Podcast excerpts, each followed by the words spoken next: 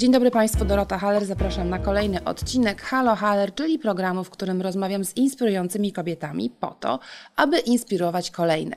Dzisiaj moją gościnią jest e, polityczka, kobieta samorządu, dyrektorka, koordynatorka e, w ratuszu warszawskim, ja powiem może do, do, do dyrektorka, koordynatorka do spraw przedsiębiorczości i dialogu społecznego. Karolina Zdrodowska. Dzień dobry Karolina, witaj. Cześć Dorota, witam Cię serdecznie. Bardzo dziękuję, że przyjęłaś zaproszenie tutaj. Jesteś szalenie zajętą osobą. Zarząd gigantycznego miasta, wielkiej stolicy europejskiej, państwa Unii, mm, Unii Europejskiej, to jest e, potężna e, praca, wiele wyzwań. Ty jesteś z zawodu, e, pierwszego zawodu, może powinnam powiedzieć, architektką. Jak to jest tak od początku? Jesteś półtora roku ponad w ratuszu wejść w taką ogromną rolę, zmieniając e, swoje życie o 180 stopni z bycia architektką? Tak naprawdę bycie architektką to już jest mój drugi zawód, bo ja najpierw jeszcze byłam e, nauczycielką języka angielskiego kwalifikowaną, bo robiłam e, e, dwa, dwa studia. E, natomiast rzeczywiście, no później taki ten główny przełom to było przejście z architektury do samorządu. Troszeczkę już byłam do tego przygotowana, bo byłam radną na mhm. Ursynowie przez jakiś czas, no ale skala jest nie do porównania wobec e, tego, mhm. czym zajmuję się teraz. No to było ogromne wyzwanie, ogromna y, zmiana, sporo obaw, ale też tak jak patrzę po tym ponad roku, no to myślę, że, że naprawdę było warto. To jest bardzo, bardzo e, ciekawe zajęcie. Jesteś jedną z bliższych współpracownic um, prezydenta Rafała Trzaskowskiego. Tak jak powiedziałaś, zaczynałaś w lokalnym samorządzie um, warszawskim na Ursynowie. A skąd u Ciebie w ogóle pomysł, Karolina, żeby pójść w politykę? Ja to wiem, ale Państwo nie, ja uważam, że to jest interesujące. Y, I żeby zająć się działalnością społeczną i działalnością polityczną, mimo tego, że jak powiedziałaś wcześniej, na początku studiowałaś, e, chciałaś uczyć angielskiego, po czym byłaś architektką. Skąd pomysł i jak to się stało? To były takie trochę dwie ścieżki, dlatego że ja zawsze gdzieś y, w działalność społeczną byłam zaangażowana. Mhm. Jakoś tam część tego zawsze swojego prywatnego czasu na to poświęcałam. To były zwykle jakieś y, y, albo akcje charytatywne, albo mhm. jakieś takie małe akcje lokalne, nie wiem, walka o to, żeby droga była jednokierunkowa, nie dwukierunkowa na przykład. Mhm. A drugą sprawą było to, że ja postanowiłam pójść na Torwar, kiedy mhm. y, zakładana była nowoczesna, wtedy mhm. jeszcze stowarzyszenie, a postanowiłam pójść na ten torwar, dlatego że miałam takie poczucie, że nie mam na kogo głosować, mhm. a byłam tak wychowana z domu, u mnie zawsze w domu jakby myśmy byli bardzo świadomi tego, co się politycznie dzieje y, w kraju. Y, no i byłam tak właśnie zawsze nastawiona, że nie ma takiej opcji, żebym ja nie głosowała. Mhm. Więc jak stwierdziłam, że nie mam na kogo, no to muszę spróbować coś z tym zrobić w takim razie. A że I miałam... poszukiwałaś poszukiwałam. Mhm. Akurat się okazało, że e, Ryszard Petu, który też wydawał mi się bardzo e, takim interesującym e, ekspertem, jeżeli chodzi o, o kwestie gospodarcze. Usłyszałam, że on coś robi, to pomyślałam, że pójdę. Mhm. I tak się zaczęła ta ścieżka polityczna, mhm. a później ta, te kwestie społeczne z tą polityką mi się połączyły właśnie na Ursynowie, kiedy żeśmy w ramach nowoczesnej realizowali mhm. różne te społeczne akcje. A co dalej? Czy chcesz być prezydentką Polski? Nie. Takie pytanie trochę wiem z, z, grubej rury, ale to jest bardzo ciekawe, co mówisz. Czyli ta działalność taka droga jednokierunkowa, później, mm, później Ursynów, teraz ratusz warszawski. Poważnie pytam, czy masz jakiś taki plan, albo marzenie, albo jakiś cel, do którego dążysz? Ja wiem, że jako polityczka pewnie go nie zdradzisz, ale jakoś tak nawet w sposób ogólny. Czy jest jakaś taka droga, o której, którą masz wyznaczoną i o której marzysz politycznie? Wiesz co, to miejsce, w którym ja się teraz znalazłam, to nigdy jakby nie był mój plan. Mhm. I ja idąc na Torwar, y, czy w ogóle robiąc coś społecznie, później będąc y, radną, no przecież będąc radną, ja cały czas pracowałam jako architektka mhm. i jako wykładowczyni akademicka. Więc y, nigdy nie miałam takiego celu, że teraz ratusz. Absolutnie mhm. nie. Jakby ta propozycja, to nawet nie, nie ma co ukrywać, ta propozycja dla mnie też była jakimś y, zaskoczeniem, wyzwaniem mhm. bardzo dużym, taką mhm. szansą y, i, i wyzwaniem, no, które po prostu, zresztą miałam naprawdę kilka godzin na podjęcie decyzji, czy, mhm. czy, czy się tego podejmę. I teraz, jeżeli pytasz o plany dalsze, to mm, jakby mm, Wiadomo, że naturalnym twoim pytaniem jest to, czy, czy prezydent, prezydentka No tak, tutaj, wiesz, to tak? po, tak powiedziałam. to oczywiście z- żartobliwie. Z, z grubej rury, ale nie, czy chciałabyś byś pójść w politykę krajową a, albo międzynarodową, czy chciałabyś jakoś iść dalej w politykę? Ratusz jest wspaniałym wyzwaniem, to nie chodzi o to, żeby cię jakoś tutaj, e, p- wiesz, wstawiać pod, pod, pod karabin, ale interesuje mnie to, czy, czy to jest kierunek, w którym chcesz się dalej rozwijać, czy cię to po prostu kręci, Karolina, W polityka. tym tak? ratuszu to ja dużo więcej mam administracji niż politykowania. To taka jest prawda. Aha. To jest jedna sprawa. Czyli to jest taka praca bardziej leadershipowa, zarządcza, Tak. organizacyjna, tak? Tak, to znaczy oczywiście tam jest bardzo też dużo rzeczy można kreować i to Mhm. jest wspaniałe, natomiast y, jakby no jest też po prostu bardzo dużo y, papierów Mhm. i, i te- tego, co trzeba zrobić po prostu zgodnie, zgodnie z przepisami, y, a nie akurat y, jakieś, nie wiem, y, konkretnie y, polityczne, wiesz, y, jakieś ustalenia y, i dogadywania, chociaż oczywiście tego, to też jest y, konieczne. Ale tak jak pytasz, co mnie kręci, to ostatnio rzeczywiście zaczęły mnie trochę kręcić y, te y, różne kręgi europejskie. Byłam na kilku też takich bardzo fajnych zresztą spotkaniach y, kobiet, Mhm. liderek Partii Liberalnej.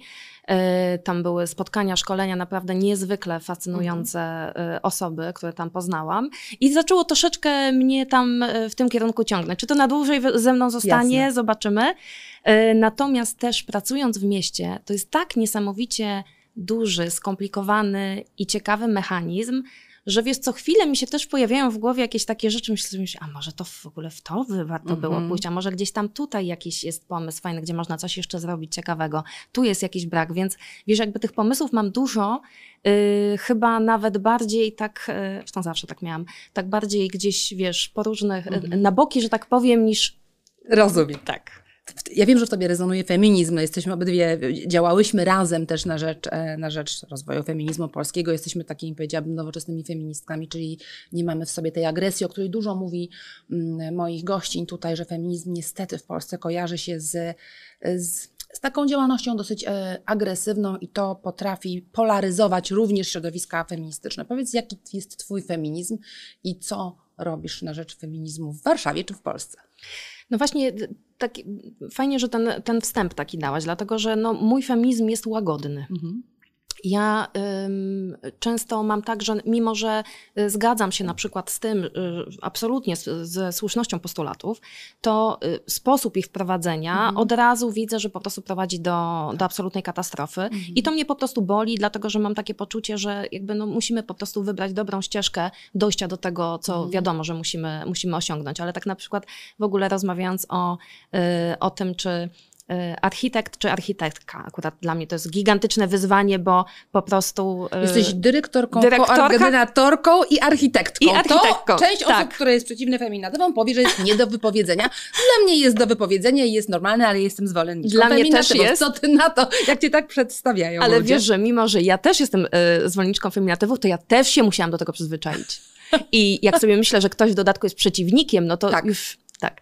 W ratuszu my ma, mamy. Ale przedstawiasz się. Tak ja zwróciłam uwagę na to, przygotowując do tej rozmowy, weszłam na stronę ratusza i ty jesteś przedstawiona jako dyrektorka, koordynatorka, ale nie wszystkie kobiety pełniące tę funkcję są tak przedstawione. Zatem rozumiem, że część z pań dyrektorek e, lubi feminatywy i ich używa, a część nie.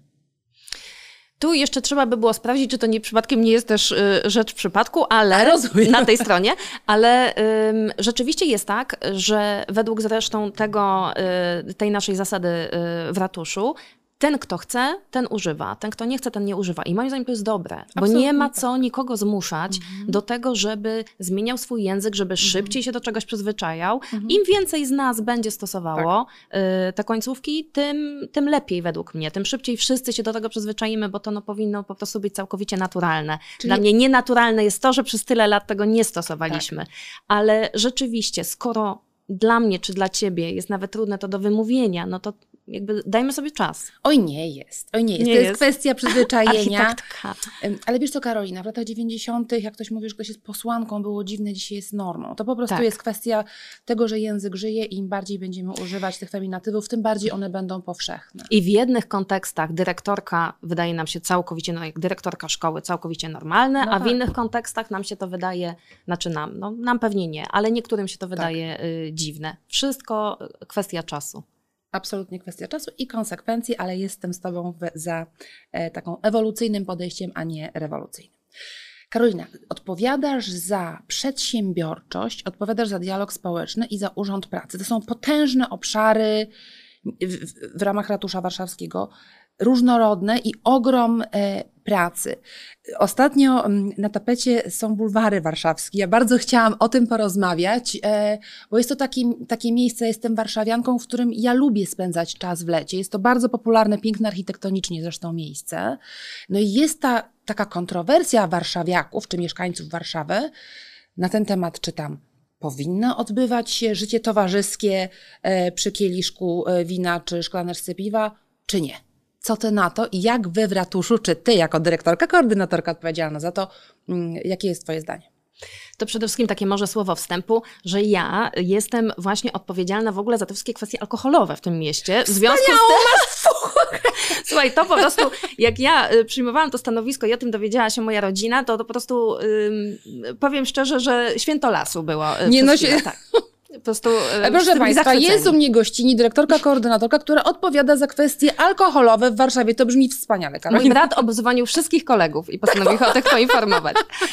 E, no ale w związku z tym właśnie bulwary. To znaczy w ogóle e, też jak przejmowałam ten obszar, to Michał Olszewski, który, który wcześniej nadzorował Bergie, powiedział, a w tych alkoholach to się w ogóle nic nie, a za bardzo się nic nie dzieje. Tam jest kolejka, wszystko idzie tam, zezwolenia, limity wydawane są po kolei. No okazało no się, że przepisy wszystko, o konkretne, prawda? No niby tak, a później okazało się, że jak COVID, yy, rynek Ach, tak. troszeczkę tak. się zestresował, okazało się, że przepisy dopuszczają to, żeby na przykład mieć podwójne zezwolenia, wyczerpywało nam to limity, więc jedną z pierwszych moich akcji było zwiększenie liczby zezwoleń na sprzedaż alkoholu, więc widzisz tu, jakie, jakich ja musiałam się y, Y, na samym początku praktycznie y, rzeczy podjąć. Natomiast... Ale rozumiem, że wzięłaś to na klatę z odwagą i zrobiłaś to, bo widziałaś tego to potrzebę. Było, to też... Tak, to było konieczne. To mhm. znaczy, wiesz, no myśmy to zrobili przecież nie y, z chęci sprzedaży większej ilości alkoholu, tylko dlatego, że po prostu rynek miał problem i mieliśmy problem taki, że część przedsiębiorców, również naprawdę świetnych na przykład y, sklepów y, z kraftowym piwem, czy też jakiejś naprawdę winiarni, które mają też takiej w ogóle mm, miastotwórczy element, że te mhm. miejsca na przykład będą musiały być zamknięte, dlatego że muszą oczekiwać na, na dodatkowy, dodatkowy limit, nie mogą kontynuować Ja muszę zapytać, co to jest element miastotwórczy. To wspaniale brzmi. Co to jest elementem miastotwórczym? Dla mnie to jest to, co sprawia, że nam w tym mieście się chce żyć. To znaczy fajne. to, że to miasto jest y, takie bogate, różnorodne, y, że to, to miasto oferuje coś dla każdego. Y, I teraz wracając do tych bulwarów, mhm. o które pytałaś, bo od tego wyszłyśmy. Na bulwarach ta kwestia jest w ogóle bardzo skomplikowana, dlatego że nakładały się na siebie kolejne y, decyzje, y, które no jakby co chwilę mieliśmy taką sytuację, że mamy zakaz w ogóle y, spożywania alkoholu w miejscach publicznych. Mhm. Rada Miasta miała taką możliwość i podjęła decyzję o tym, że bulwary i poniatówka są wyłączone z tego mhm. zakazu, czyli możemy tam pić. Później weszła, yy, weszły obostrzenia covidowe, mhm. które zawiesiły działanie tych dwóch uchwał, no więc znowu nie można było i w tej chwili też. I później okazało się, że mm, jeden z podmiotów wystąpił do sądu, żeby jedną tylko z tych uchwał mhm. y, unieważnić. Mhm. I okazało się, że sąd przychylił się. My, jako miasto, postanowiliśmy wnieść odwołanie, ponieważ po pierwsze, według mnie to jest naprawdę dla tego miasta ogromny sukces, że po latach, kiedy ta Wisła była odcięta od tak, w ogóle życia, jasne, udało się ten, y, te bulwary y, tak ożywić, bo to mhm. jest jedna, ja się z Tobą zgadzam, ja też tam bywam oczywiście, tak. to jest jedna z najfajniejszych przestrzeni w tym mieście tak. latem. Tak. I to, to, to, co jest fajne w tej przestrzeni, to jest to, że ona jest naprawdę dla każdego. Ona nie mhm. jest tylko dla tego, który ma, y, którego stać na Żeby drinki w knajpie. Tak, dokładnie. Tak, bo to nie jest tanie, umówmy mhm. się, tylko to jest też miejsce dla tego, który po prostu chce sobie na przykład kupić właśnie butelkę piwa i wypić ją na mhm. schodkach patrząc tak. na rzekę ja nie widzę w tym problemu. To mhm. znaczy, taki jest charakter tego miejsca. Mhm. Y, oczywiście też pod, przed podjęciem decyzji o tym, żeby y, to żeby e, złożyć odwołanie. Mhm. E, myśmy też, my każdorazowo też monitorujemy sytuację w Straży Miejskiej, jak tam wygląda no ilość właśnie. incydentów i to nie wygląda źle. Ale wiesz Karolina, bo abstrahując oczywiście od COVID-u, bo wiadomo, że dystans społeczny był bardzo ważny i to jest zupełnie inna sprawa i to jest oczywiste, że po prostu nie powinniśmy propagować jakichś takich zbiórek większych. Zgromadzeń. Zgromadzeń, dokładnie. Natomiast, e, wiesz, ludzie mieszkają niedaleko i rozumiem, że to jest bardzo trudna rola pogodzenia przedsiębiorców, którzy tam prowadzą swój biznes, mieszkańców, którzy chcą pójść na spacer z psem, wziąć butelkę piwa w czerwcowe popołudnie i usiąść na schodkach, jak mówisz, nawet z, po prostu spędzić miło czas patrząc na rzekę. Mm, I ludzi, którzy są absolutnie przeciwni i uważają, że jest tam chuliganeria po prostu i że tam się odbywają rzeczy, yy, które nie powinny mieć miejsca. Tak jak powiedziałaś, rozmawiacie ze Strażą Miejską. Jak pogodzić te interesy? Różnych stron i zapewnić też porządek. No to w końcu miasto musi mieć też porządek. Znaczy, kwestia tego, żeby tam było bezpiecznie tak. i żeby alkoholu nie spożywali nieletni, to mhm. jest jakby to jest jeden temat, mhm. tak? I nie trzeba wprowadzać zakazu, żeby y, przestrzegać y, przepisów. Naturalnie.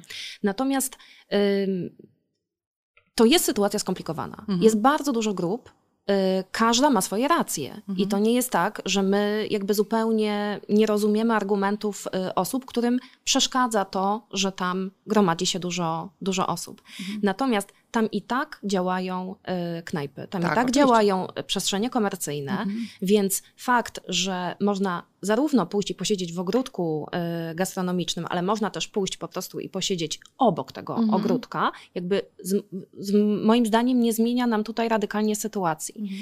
Centrum miasta ma też swoją specyfikę, to znaczy ono ma swoje plusy i minusy. Mhm. Jednym z minusów oczywiście jest to, że jest na przykład dużo więcej turystów, że jest większy hałas, tak. ale za to ma też swoje mhm. plusy, więc jakby no, rzeczywiście niełatwo jest to pogodzić. Niełatwo. Ale ja mam też takie poczucie, że w całej tej dyskusji e, najsłabiej reprezentowani są ci, którzy właśnie korzystają z tego zezwolenia. Mhm. Czyli e, ci zwykle młodzi ludzie, ale też ludzie w bardzo różnym wieku, mhm. y, którzy y, nie są w żaden sposób zrzeszeni, zorganizowani, tak. nie po prostu tylko tam przychodzą Na sobie w piątek studenci, którzy, tak. Studenci, tak? I, y, I jakby no my, mimo że oni nie kierują do nas PiS, musimy też myśleć o nich. Tak.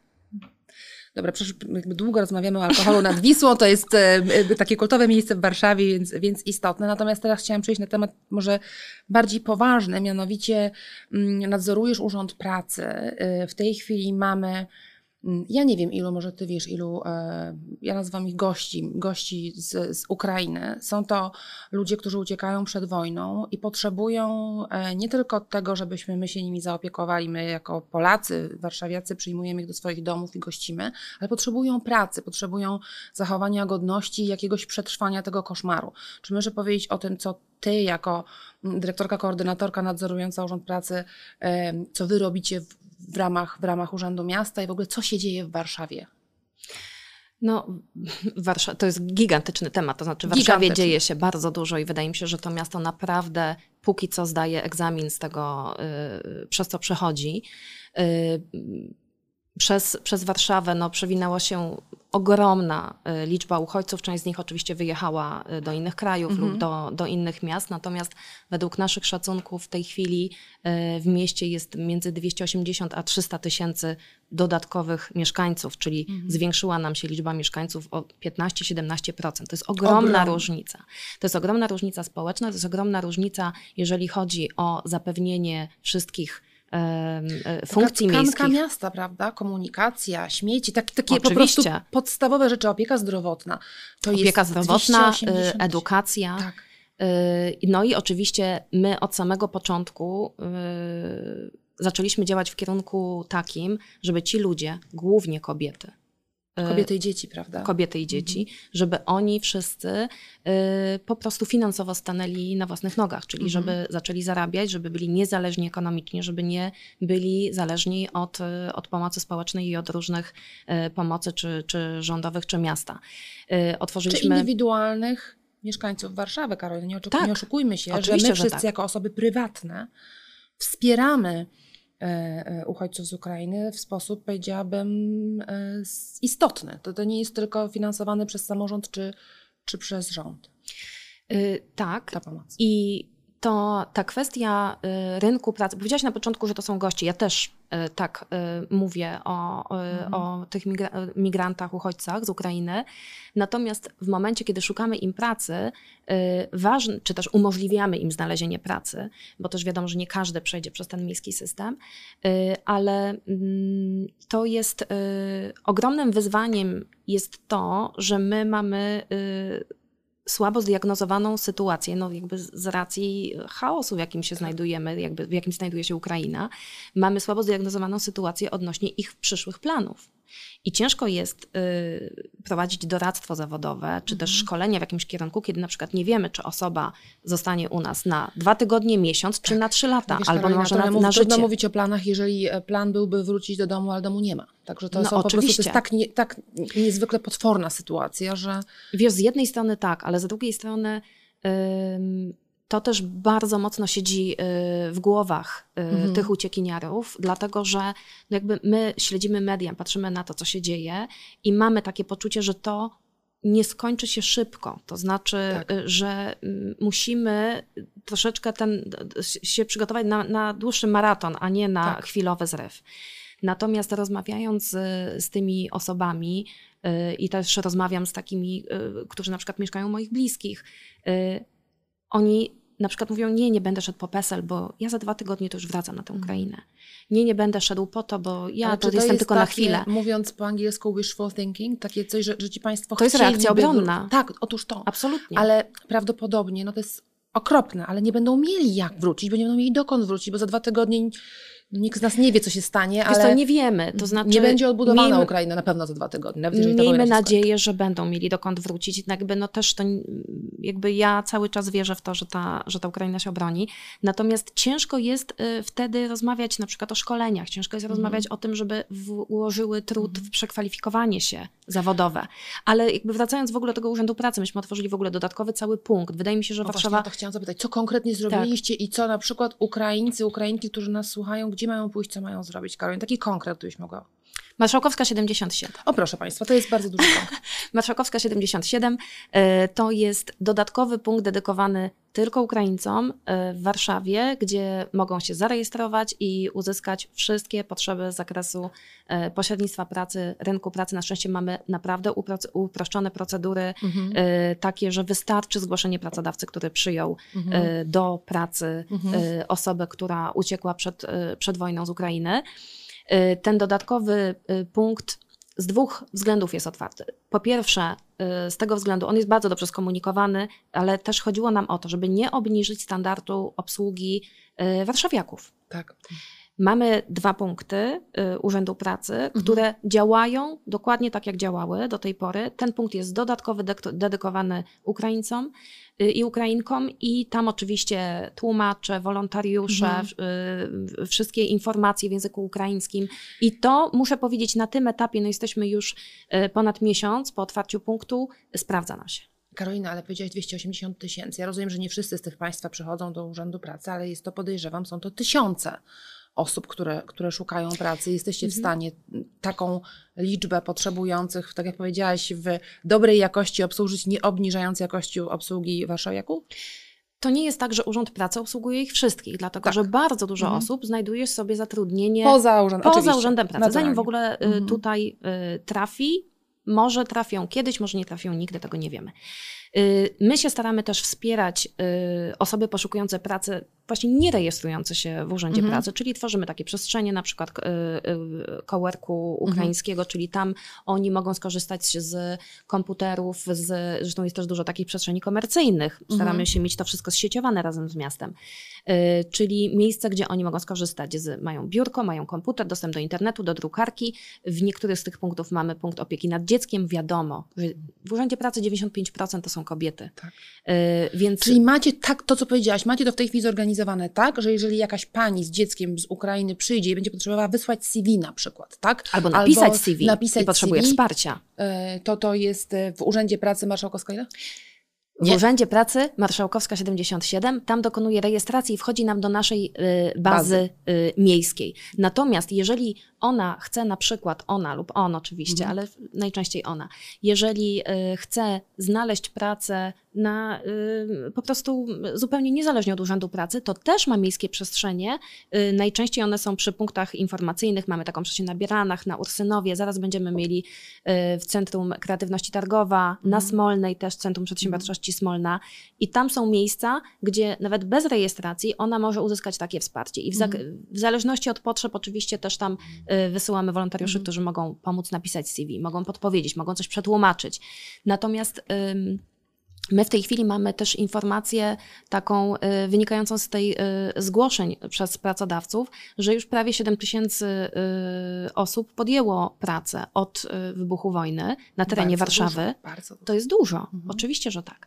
I zresztą to też jest bardzo inna grupa bezrobotnych, bo to są ci, ten klient Urzędu Pracy, jakiego my, myśmy do tej pory mieli w Warszawie, często odrzucał wiele y, ofert zatrudnienia. A tak? Był zarejestrowany, Rozumiem. ale odrzu- odrzucał Mhm. oferty zatrudnienia z różnych powodów.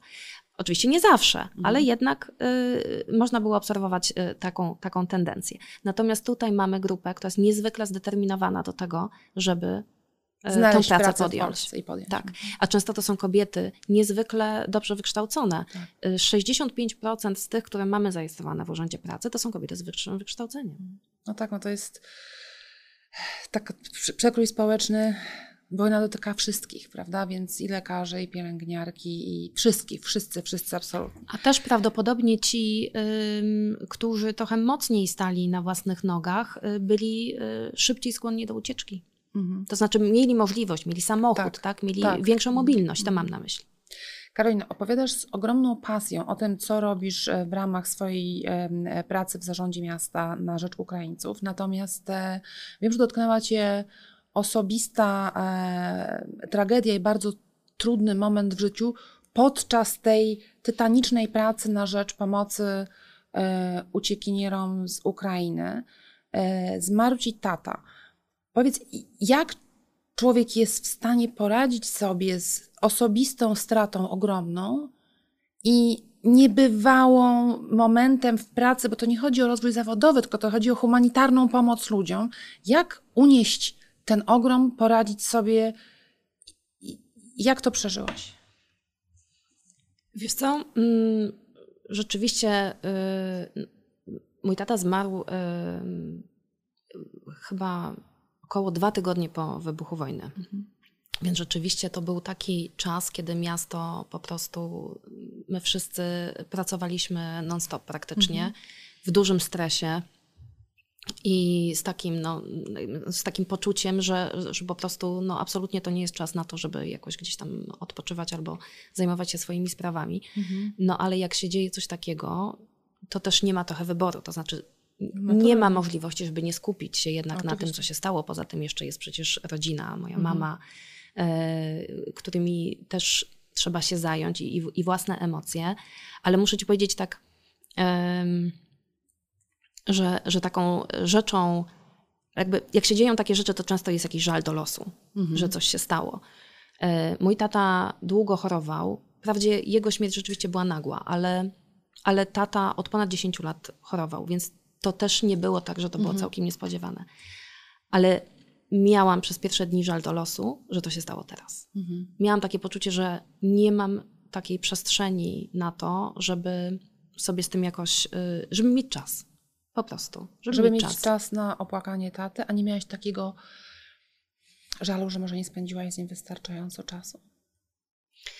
Wiesz, ja miałam y, taki żal i dalej mam y, do siebie, ale to on bardziej wynikał nie z tych ostatnich dwóch tygodni, bo, bo nawet mieliśmy, mieliśmy kontakt.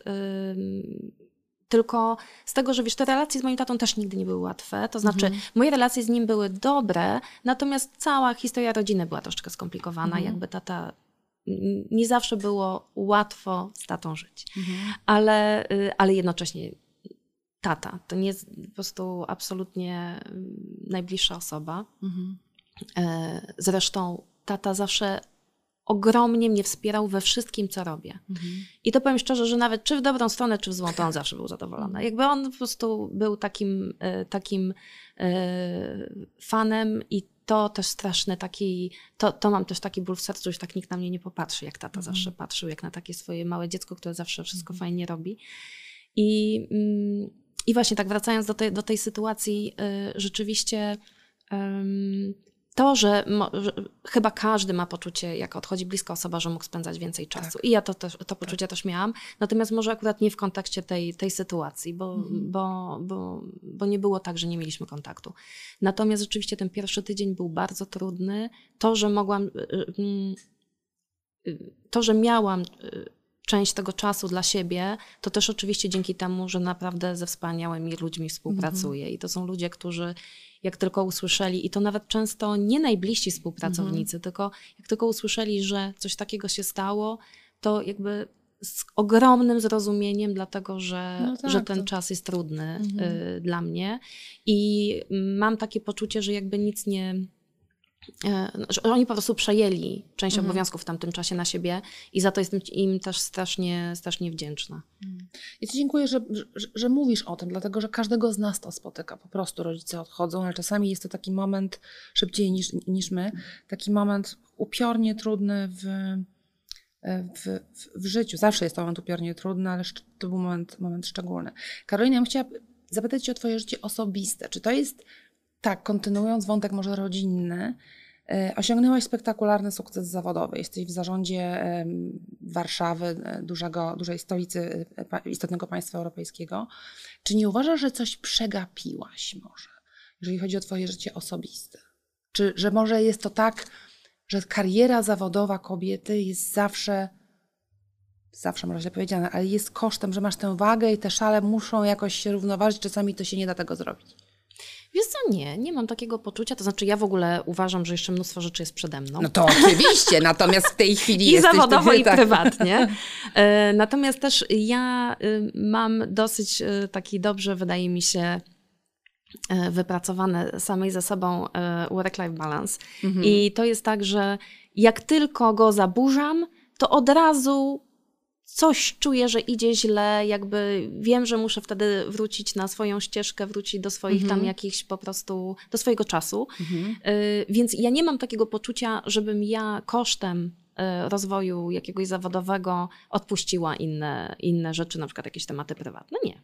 Ale fajnie mówisz o tym, że masz taką, tak, taką że zapala ci się jakaś lampka i wtedy idziesz na dobrą ścieżkę. Ale jak to robisz? Po prostu mówisz sobie, dobra, pracuję za dużo. No w tej chwili pracujesz na pewno bardzo dużo. Mówiliśmy o tym wątku mm, upiornej wojny w Ukrainie i, i, i uchodźców, którzy napływają do Warszawy.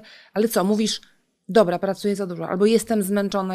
Jak to robisz? Albo zapisuję się na pilates, nie wiem, cokolwiek. Opowiedz, jak to wygląda u ciebie ten moment, kiedy mówisz, dobra, zatraciłam się w pracy, muszę się odgruzować? Mnie zaczyna, y, znaczy przestaje mnie cieszyć to, co robię. Mhm. Zaczynam się frustrować yy, i zwykle yy, i jestem mniej wydajna pracy, mhm. po prostu. I mam y, wtedy, y, zwykle przychodzi taki moment refleksji, kiedy ja sobie myślę, no tak, a kiedy ostatnio biegałaś, a kiedy ostatnio to, a kiedy tamto? Przecież rzeczy, które sobie postanowiłaś, że mhm. będziesz robić dla siebie mhm. i wiesz też, że ci służą, kiedy robisz je regularnie, tak, nie wiem, to, żeby raz w tygodniu pójść do y, teatru, kina albo na mhm. wystawę, tak? I, I ja za każdym razem po prostu wiem właśnie, że mi spada ta wydajność i że trzeba wrócić do swojego systemu. Wiesz, ja taka w ogóle jestem taka trochę poukładana i zadaniowa. Zadaniowiec, ja to nawet nie słyszę. Zadaniowiec, zeszycik, teatr, kino. Ja to rozumiem, bo ja mam podobnie. ja wiesz... to nawet do tego teatru chodzę, że raz w tygodniu coś. No to takie no... A taka samodyscyplina to jest też tak. w ramach fajności, no bo miło jest pójść do teatru czy na wystawę, ale czasami człowiek po prostu, jak nie zaplanuje, to się nie zrobi. Tak, ale masz zeszycik? Jesteś aż tak... Nie, nie, to nie, nie, nie mam Nie przesadzajmy. nie, nie, nie przesadzajmy, ale wiesz, w ogóle jestem e, ścisłym umysłem, no jakby mhm. też z racji tego, że ja jestem no, po politechnice. Tak, jesteś po politechnice, I, tak. Y, jakby za każdym razem miałam takie dosyć mocno uporządkowane mhm. różne y, sfery y, swojego życia, no więc dlaczego nie ta? To znaczy ta tak samo. To... Mhm. Odpoczynek też musi być zaplanowany. Znaczy nie, boże, teraz brzmi jakbym w ogóle była kompletnie niespontaniczną osobą. No chyba, chyba nie jest tak do końca, ale rzeczywiście, no jakby mój y, organizm, moja wydajność daje mi sygnał, że muszę wrócić do swojego cyklu. Wiesz co, ale piękną rzecz powiedziała u mnie e, moja gościni Anna Jurgaś. Ona powiedziała, jak często zadajemy sobie pytanie, jak się czujesz sam sobie. I ja naprawdę dałam to do myślenia, że warto jest zapytać samego siebie, jak się czujesz i w momencie, kiedy powiesz, czuję to, co ty powiedziałaś, że już nie mam satysfakcji z tego, co robię, to jest ten moment, kiedy trzeba pójść pobiegać do teatru z przyjaciółmi, zrobić coś dla siebie, żeby znowu poczuć się dobrze. Ale widzisz, to jest fajne, co ona powiedziała, że trzeba sobie w ogóle jakby w porę zadawać to pytanie, tak. bo ja to mam Samemu tak, sobie. że jak ja już mam zjazd. Zadajesz za późno. Tak, jak ja już mam zjazd, to ja wtedy reaguję, tak? Mhm. A gdybym miała taką umiejętność e, pewnie wypracowaną zadawania sobie tego pytania e, w porę, no to jakby nie miałabym tych... Mhm Wspomniałeś o spontaniczności. Ja wiem, że jesteś osobą niezwykle kreatywną, natomiast pracujesz w pewnego rodzaju machinie. Jesteś, no, to jest upiorne słowo w Polsce, ale jesteś urzędniczką. To jest straszne słowo, proszę Państwa. I tak się kojarzy z takimi latami osiemdziesiątymi taka pani w brzydkiej garsonce. No, no jest ten stereotyp. jest, jest okropny. Mm, ale jednak jesteś w trybach tego uwarunkowań prawnych, uwarunkowań przyzwyczajeniowych, jak działasz jako urzędniczka, będąc kwintesencją nieurzędniczki. To jest myślę takie, jesteś antytezą trochę urzędniczki, a pracujesz na bardzo wysokim stanowisku jednak w, w urzędzie. No to był szok. To znaczy, z jednej strony oczywiście ten stereotyp jest przesadzony, to, to, to jest oczywiście. bez dwóch zdań. Natomiast yy, zetknięcie się z tą ilością procedur, uzgodnień, z całą gigantyczną ścieżką, przez którą musi, musi przejść każda najmniejsza sprawa, ilość podpisów pod każdym, yy, każdą najmniejszą zmianą, to on uczy pokory. Mhm. Naprawdę. To nie jest tak, że przychodzi się jednego dnia z super pomysłem i następnego dnia Wdraża, można go tak. realizować tak. i wdrażać. To, to rzeczywiście jest y, inny zupełnie y, mhm. system działania. Natomiast y, wracając właśnie do tego, do tego stereotypu urzędnika, mhm. ja naprawdę tutaj spotkałam bardzo, bardzo dużo osób na różnych szczeblach, które mają mega otwartą głowę, super pomysły i tylko jakby trzeba znaleźć taką jakąś grupę mhm. najpierw wokół nich, y, chęci realizacji mhm. y, i naprawdę bardzo fajne rzeczy w tym mieście się dzieją. Zresztą naprawdę ja jestem pod wrażeniem, teraz trochę przy cukrze swoim współpracownikom. Leć! Pod wrażeniem y, tego, jak wszechstronne i bardzo kompetentne osoby pracują w tym mieście. Czy jestem pod wrażeniem tego, jak się rozwija Warszawa. Jestem warszawianką, to jest moje miasto. Ja kocham to miasto ja absolutnie miłością wielką e, i prawdziwą. E, pochodzę z Powiśla, mieszkam na Mokotowie, tak trochę prywata i uważam, że Warszawa się rozwija w sposób fenomenalny. I pod każdym względem, natomiast ja będę cytować element miastotwórczy. Jest dużo tych elementów, cytuję Cię, bo to mi się podoba bardzo, jest dużo tych elementów miastotwórczych. Warszawa jest miastem właściwie bez centrum. Już trudno powiedzieć, że w Warszawie, nie wiem, czy to jest kolumna Zygmunta, czy to jest Pałac Kultury, czy to są bulwary, gdzie jest to centrum. Zależy dla kogo. A no właśnie, no dobra, ale co Wy robicie jeszcze, żeby jest wiosna, zaczynają kwitnąć kwiatki, za chwilę wyjdziemy do tego miasta. Czy w ratuszu jest na Waszym na Waszej agendzie to, żeby było więcej takich miejsc właśnie, gdzie my warszawiacy czy mieszkańcy Warszawy możemy żyć w mieście? I, i co to jest? Więc to mi się wydaje, że to miasto dlatego, y, tak jak mówisz, że ono się dobrze rozwija, że właśnie y, wydaje mi się, że mm, te osoby, które no, podejmują różne decyzje, y, powiedzmy, czy które mm, przejawiają kreatywność po prostu w tym mieście, w zarządzaniu tym miastem, absolutnie doceniają to, że to ma być miejsce właśnie dobre do życia, ale y, też miejsce, gdzie są, które oferuje mieszkańcom miejsce spotkań, miejsce, gdzie mogą się zawiązywać różne przestrzenie mm. nowe, społeczne, mm. sąsiedzkie, niesąsiedzkie, dla studentów. Jakby mamy coraz więcej takich, takich miejsc i to nie tylko w samej Warszawie, w, w samym mm, centrum Warszawy, ale w ogóle też y, mocno stawiamy na to, żeby takie przestrzenie się pojawiały lokalnie, we wszystkich dzielnicach. Mm -hmm. I mam takie poczucie, że mieszkańcy oczywiście cały czas jakby ja obserwując to z poziomu Ursynowa miałam takie poczucie, że na przykład z niektórych przestrzeni, z niektórych programów, z niektórych jakichś środków korzystają na przykład ciągle te same osoby, tak? Więc mm -hmm. może jest bardziej problem mm -hmm. troszkę, tak troszkę myślę i o seniorach, i o młodzieży, że może troszkę jest problem z poszerzeniem tej grupy odbiorców, natomiast przestrzenie y, wydaje mi się, że, że naprawdę w tym mieście są y, bardzo fajne do działania. A może ja jeszcze w ogóle powiem o jednej takiej rzeczy, bo tak jak mówiłaś, ja też odpowiadam za ten e, dialog społeczny mhm. i w tym są konsultacje społeczne, budżet obywatelski, ale to na to przykład... jest wspaniałe, budżet obywatelski zawsze głosuje i uważam, że to jest w ogóle wspaniałe. Ja też uważam, że jest wspaniałe e, i to jest też e, taka forma wciągania mieszkańców tak. w to, żeby oni to tworzyli tak. sami, żeby I potem jest skwerek i człowiek jest zachwycony, że ten skwerek to mój. Tak. tak poniekąd, jako tak. mieszkanki, albo, bo głosowałam, ja albo wymyśliłam. Tak, tak, tak, tak. tak. No. Natomiast też y, na przykład mamy coś takiego jak inicjatywa sąsiedzka. Można mhm. się w mhm. trzy osoby zebrać i wymyślić coś, dostać na to środki od miasta do 2000 zł i na przykład jeżeli chcesz zrobić piknik na trawie, albo jeżeli chcesz odmalować y, ławkę, albo jeżeli chcesz posadzić gdzieś kwiatki, to inicjatywa sąsiedzka służy temu i ona jest, y, wiesz, finansowana przez miasto, żebyś ty tę, yy, tę społeczność w swoim najbliższym otoczeniu mogła zawiązywać. Ale to, co mówisz, jest wspaniałe. Tylko Karolina, pytanie teraz szczere. Czy biurokracja, żeby zawnioskować o te kwiatki za 2000, morduje tę inicjatywę? Wiesz, bo czasami to jest tak, że oni śmiela naszą działalność społeczną to, że trzeba zrobić 78 formularzy, które trzeba skonsultować z 15 prawnikami i innymi finansistami. Człowiek mówi, dobra, machnę ręką, nie będę tych kwiatków Nie, sadzić. to jest bardzo proste i w ogóle zespół, który za to odpowiada, też jest niezwykle pomocny. Ja myślę, że tutaj znowu jest problem z tym, żeby informować o tym tak. e, mieszkańców. Natomiast sama procedura na pewno nikogo nie wystraszy. Dobra, z sąsiadami w takim razie będę wnioskować o kwiatki, przysięgam Państwa, zrobię Albo to. Albo zrobimy piknik. Albo piknik zrobimy, dobra, zrobimy piknik e, i będę wnioskować, muszę wejść na stronę miasta i gdzieś zobaczyć, gdzie to się robi. Karolina, e, jeżeli młodzież, bo nas słucha, tego podcastu słucha dużo młodych kobiet, e, chciałaby pracować w ratuszu, chciałaby pracować dla miasta, co ma zrobić taki młody człowiek, albo jeszcze na studiach w Warszawie, albo po studiach, żeby aplikować i dostać się do pracy e, do ratusza warszawskiego. To trzeba przeglądać y, oferty, jakie. Czyli ogłoszenia na stronach. Zamieszcza. Oczywiście, ogłoszenia na stronach. Ym, no, nie wiem, Dorota, jak inaczej odpowiedzieć na twoje pytanie. Nie, ale macie na przykład staże jakieś, wiesz, jakieś Oczywiście, programy kreatywne dla studentów konkretnych kierunków, albo jakieś programy rozwoju na przykład młodych kobiet albo mężczyzn. Wiesz, jakieś takie specjalne... Są też oferty stażowe. Mhm. Może jeszcze jedna też ciekawa rzecz, o której ja powiem z zakresu biorozwoju gospodarczego, mhm. Y, to są programy akceleracyjne dla młodych firm. O, e, Warszawa prowadzi naprawdę fajny e, program, który się nazywa Warsaw Booster. I y, to jest, mamy bardzo dużo zgłoszeń od, od startupów.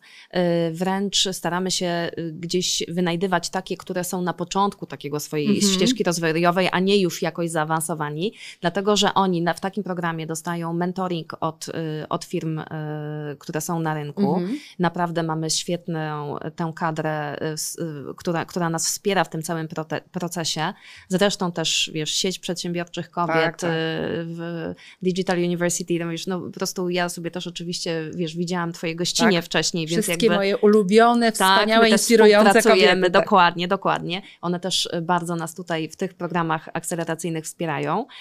Y, I to jest też, myślę, coś, y, o czym warto by było, bo nie jest to oczywiste, że miasto wspiera startupy. Tak. Tak? Miasto wspiera innowacyjność, przyciąganie talentów. Zależy nam na tym, żeby w tym mieście zostali ludzie, którzy będą to miasto potem stworzyć w sposób, tak. tworzyć w sposób kreatywny. Przecież to nie urzędnicy wymyślają to miasto, tak? My tak. tylko pomagamy tym zarządzić. Tak, i zorganizować. I zorganizować. Gdzieś dostrzegamy nowe potrzeby, które się, na które się mhm. staramy odpowiedzieć. Natomiast jakby tworzenie tego miasta jest w rękach mieszkańców. Bardzo pięknie to powiedziałaś. Ostatnie mam pytanie dotyczące studentów. Wydaje mi się, oczywiście to nie jest potwierdzone statystycznie, ale z obserwacji własnych i mojego środowiska, że bardzo dużo młodzieży wyjeżdża z Warszawy na studia.